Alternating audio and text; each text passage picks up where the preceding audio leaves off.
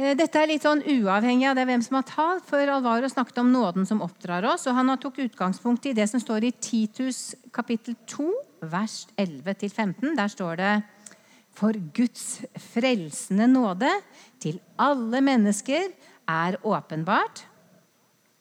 Eh, og denne nåden, den oppdrar oss for at vi skal fornekte ugudelighet og verdslige lyster og leve edruelig rettferdig og gudfryktig i den nåværende tidsalder.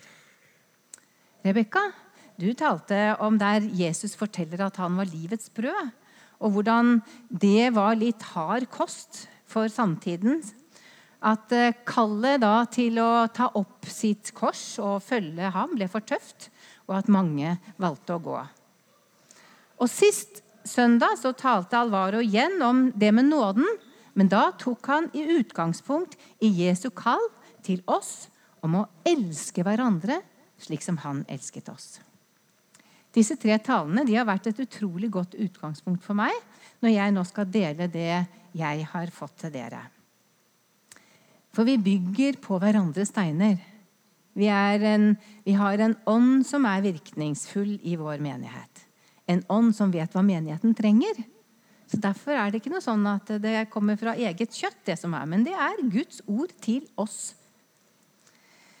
Eh, jeg skal ikke holde på så veldig lenge i dag, eh, for vi har jo hørt mye. og det er sagt mye, Men jeg likevel fortsetter litt der Alvaro slapp.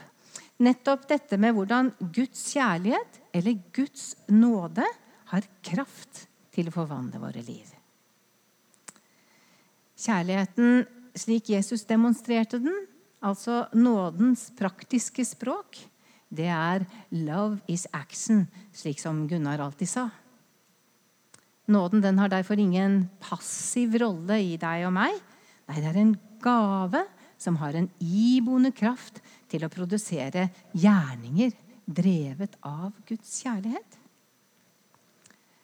Da Paulus underviste menigheten i Korint i 1. Korinterne kapittel 12, som alle om alle de åndelige gavene som vi ser her, som ligger i sammenknyttet og godt.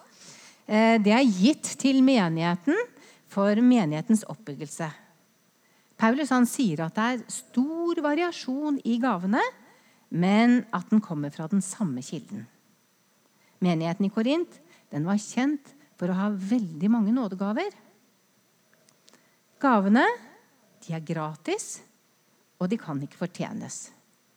Så Derfor er det helt meningsløst å føle seg mindreverdig fordi man kanskje ikke har de samme gavene eller plass i menigheten. For variasjonene de er nemlig skapt sånn av Gud. Han har satt oss der med sine gaver til menighetens beste. Og På den måten så gjør han oss avhengig av hverandre. For En menighet den kan ikke bygges opp av et styre eller av noen enkelte medhjelpere eller en pastor. Nei, menigheten den er vevd sammen på en gudfeldig måte. Slik at Guds gaver skal flyte i menigheten for Guds rikes skyld. Og så lenge vi er plassert der, så har vi alle en oppgave, alle en nådegave, å bruke til menighetens oppbyggelse. Og mens, vi, mens dere hører på Guds ord, så Tenk litt etter. Hva er det du har fått? Hva vet du i dypet av ditt hjerte at du har fått? For at det skal være med til å bygge denne menigheten. Som Beate sier ganske ofte, eller som jeg har hørt, at menigheten har ikke noe publikum. Den har bare byggestener for liv og vekst. Fordi at menigheten den er gjort avhengig av hverandre for at den skal ha liv og vekst. I kapittel 12 så ramser Paulus opp en rekke gaver. Det er visdom og kunnskapens ord, troens gave, nådegave til helbredelse, undergjerninger, profetisk gave, prøve åndene-gave og tyder tungetale-gave. Og alle på sin måte skal dra omsorg for menigheten og Kristi kropp.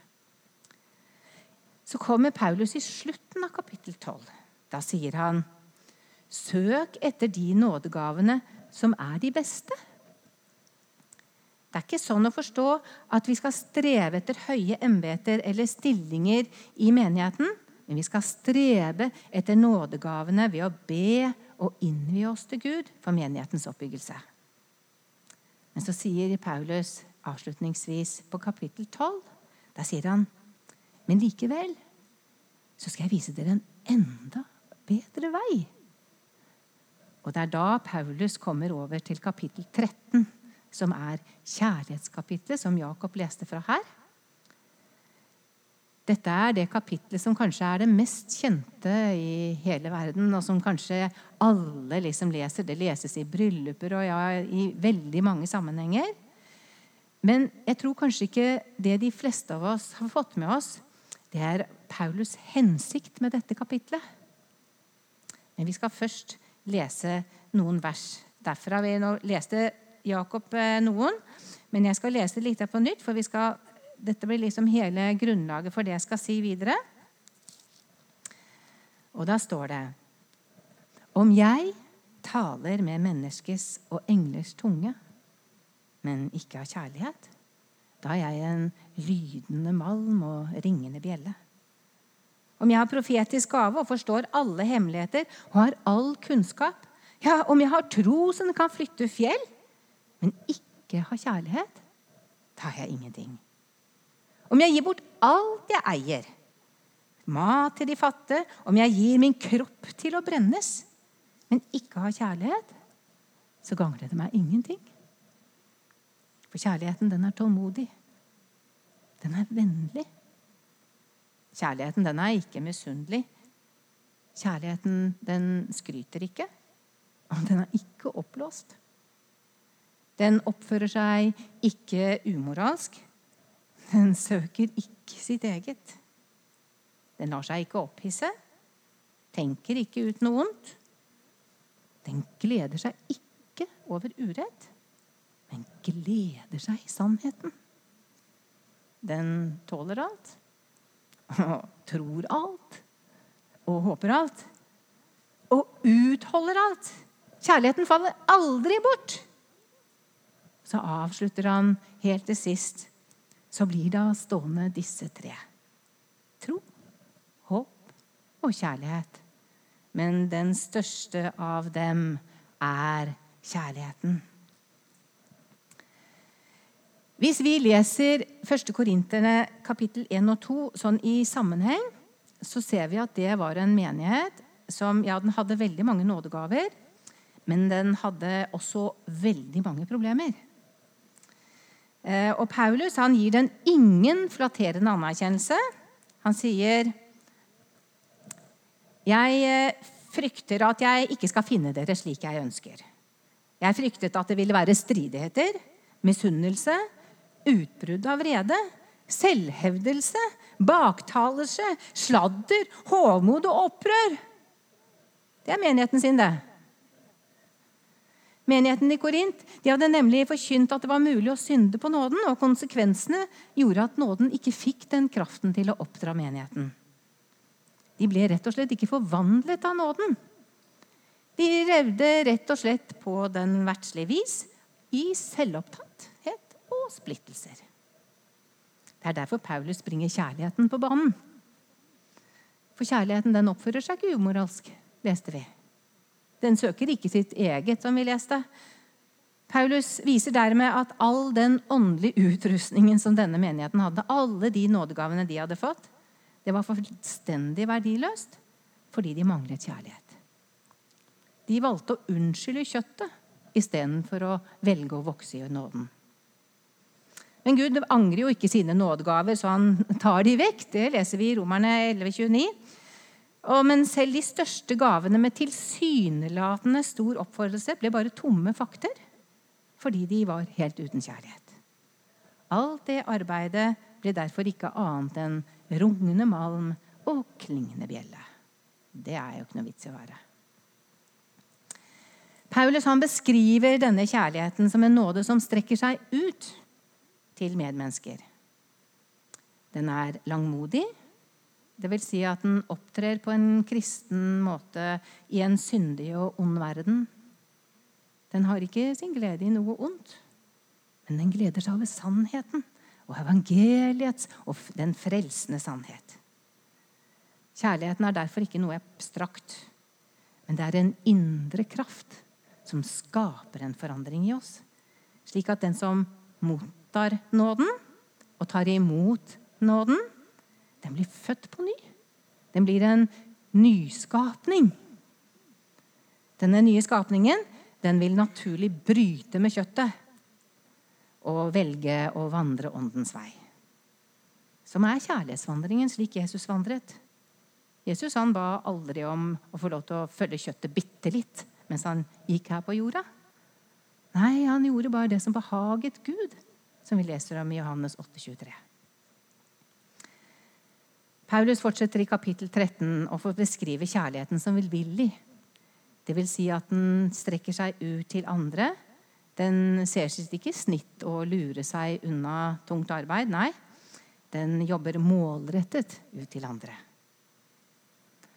at eh, kjærligheten er vennlig, sier at den er, har den andres ve og vel på agendaen.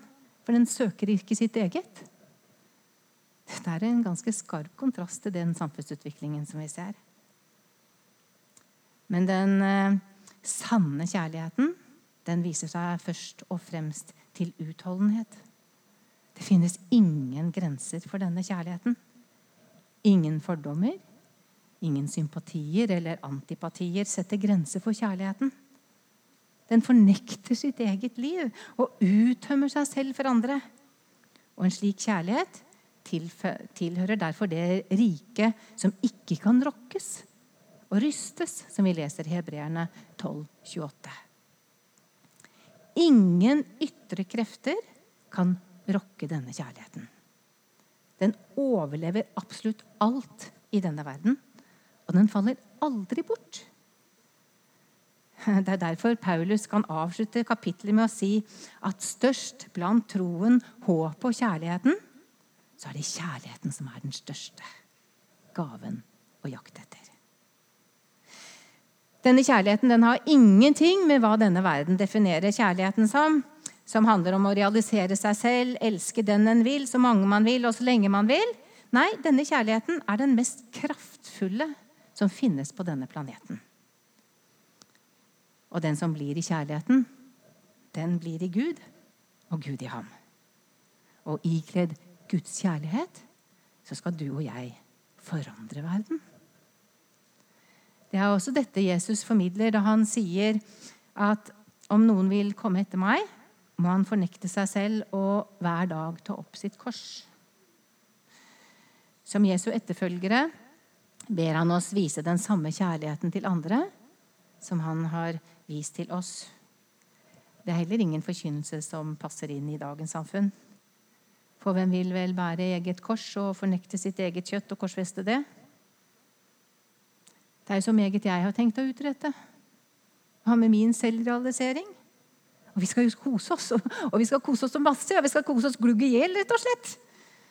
Men Jesus sier at veien til frihet det er ikke selvrealisering, men det er å fornekte seg selv og korsfeste kjøttet. For om Sønnen får frigjort dere, da blir dere virkelig fri, sier Jesus i Johannes 8, 35. For et liv levd i Kristi kjærlighet, det vil sette oss fri fra oss selv. Den vil sette oss fri fra å bli såret av andre. Og den vil sette oss fri til å leve det livet som Gud har tenkt at vi skulle leve. Hensikten med at Gud sendte Jesus til oss, det var jo ikke bare for å frelse oss fra helvete og ta oss i himmelen en gang, og at du og jeg skal bare klamre oss fast til evangeliet til den dagen han endelig finner det for godt å hente oss. Nei, hensikten med at Jesus skulle komme, var at våre liv skulle bli forvandlet. At vi skulle være et avbilde av Gud i denne verden, der kjærligheten er livets uttrykksform. Et kristenliv som kun handler om å bli frelst fra helvete, kan fort bli et helvete på jord.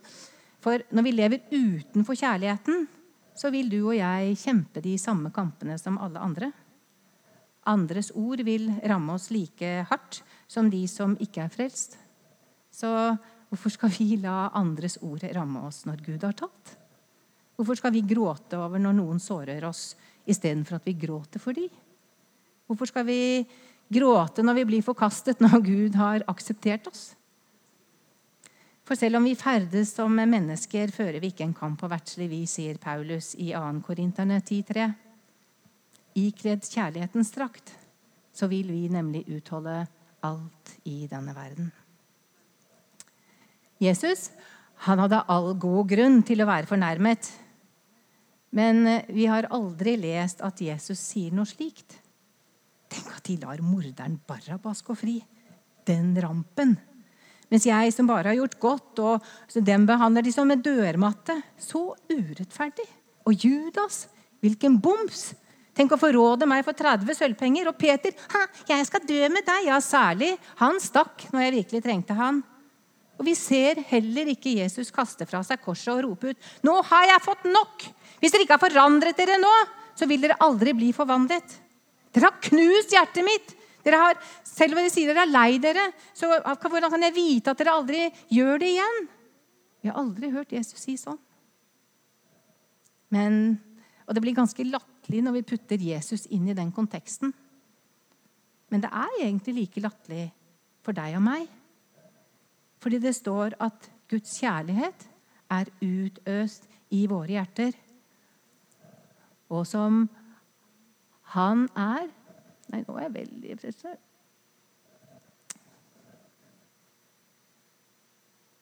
Beklager, jeg har helt glemt trykket.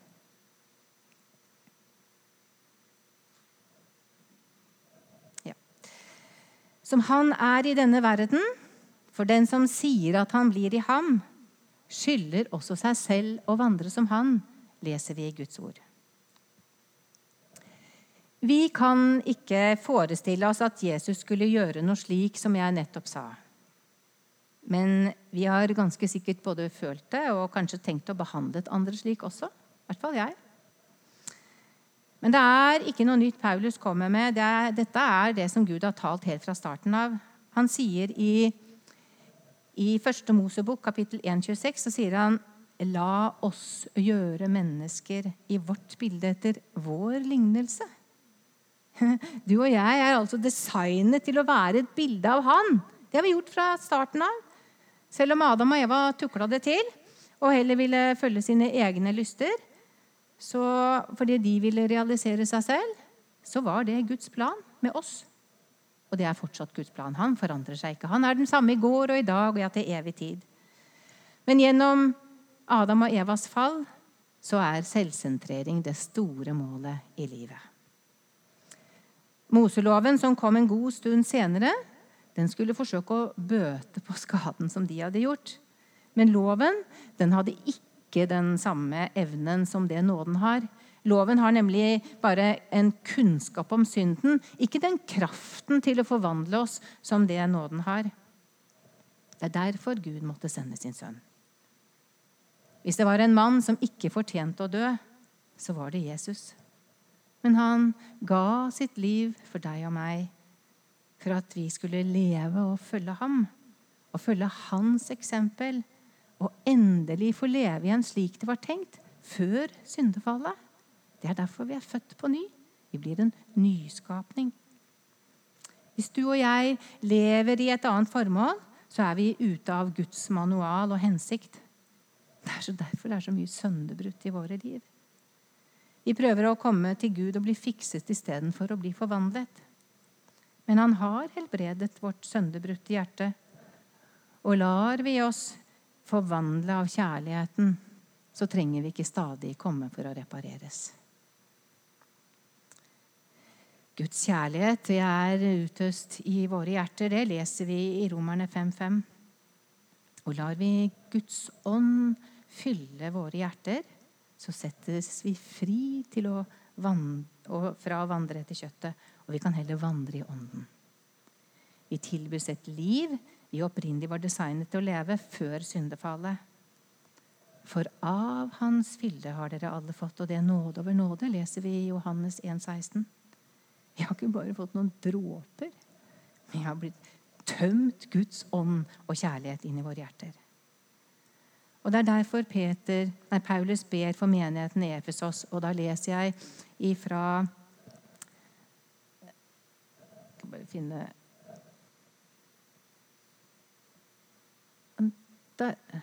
Jeg leser ifra Hverdagsbibelen. Der sier Paulus Jeg ber om at Han som er så ufattelig rik og så mye godt å gi, skal gi dere av sin kraft, sin styrke, til både hjertet og sinnet deres ved sin Hellige Ånd. Jeg ber om at dere skal holde fast ved troen på Kristus og la ham fylle hjertet deres med kjærlighet. Da vil dere i fellesskap med de andre kristne være i stand til å forstå dybden, bredden, lengden og høyden av Guds kjærlighet. Og når dere erfarer denne kjærligheten, blir dere fylt av Gud selv. ikke det et løfte? Jesus han lover oss ingen dans på roser her. Nei, han sier i verden skal dere ha trengsel, men vær ved godt mot, for jeg har overvunnet verden, sier han i Johannes 16, 33. Når vi lar Hans fylde fylle oss, da kan denne verden være på gyngende grunn uten at du og jeg trenger å skjelve. Når vi er fylt av Hans fylde, da kan ikke lenger mennesket såre oss. Istedenfor at vi gråter over det andre gjør mot oss, så kan vi heller gråte over dem, akkurat slik Jesus gjorde da han bar sitt kors på veien via Dolorosa på vei mot Golgata. Ja, ikke bare gråt han, men mens de spottet og plaget ham, så ropte han 'Far, tilgi dem', for de vet ikke hva de gjør. Et liv som er fylt av Guds kjærlighet er der vi slipper å kjempe de samme kampene som alle andre i denne verden. Jeg har selv sagt det, og jeg hører det ofte. Vi er jo bare mennesker. Men det er bare å unnskylde kjøttet for å la være å vokse i nåden. For vi er ikke lenger slave synden eller kjøttet. Nei, vi har mottatt nåden så den skal kunne oppdra oss og forvandle oss og virke i oss, slik at Guds kjærlighet blir synlig i deg og meg. Er du lei av å kjempe de samme kampene og krigene som alle de andre som er ufrelste? Er du lei av å bli såret av det andre sier? Da har du kommet til riktig sted. For i Kristus så gjelder det nemlig bare tro som er virksom i kjærlighet. Om du ønsker å oppleve bønnesvar på den bønnen som Paulus ba for menigheten i Efesos, så kan du, etter at vi har tatt imot eh, offeret her etterpå, kan du komme fram. Eller om du ønsker å ta dette med deg bare inn i benkeraden og be en bønn der. Ønsker du å vokse inn i denne kjærlighetens vei? Jeg vil gjerne det. Jeg er lei av å kjempe de samme kampene som denne verden. Og mens vi lar lovsangsteamet avrunde denne dagens tale, så skal vi be denne bønnen. Far, takk for ditt hellige ord, ditt rene og sanne ord. Hellige oss i sannhet, for ditt ord er sannhet. I frimodighet kommer vi til deg fordi du er vår far. Vi ber i Jesu navn om at vi utvikler større vekst, større erkjennelse av deg. Vi ber om mer tro, mer kjærlighet og en enda større fylde av deg i våre liv. Lær oss kjærlighetens vei, og hjelp oss til hver dag å ta opp vårt kors og følge deg. Amen.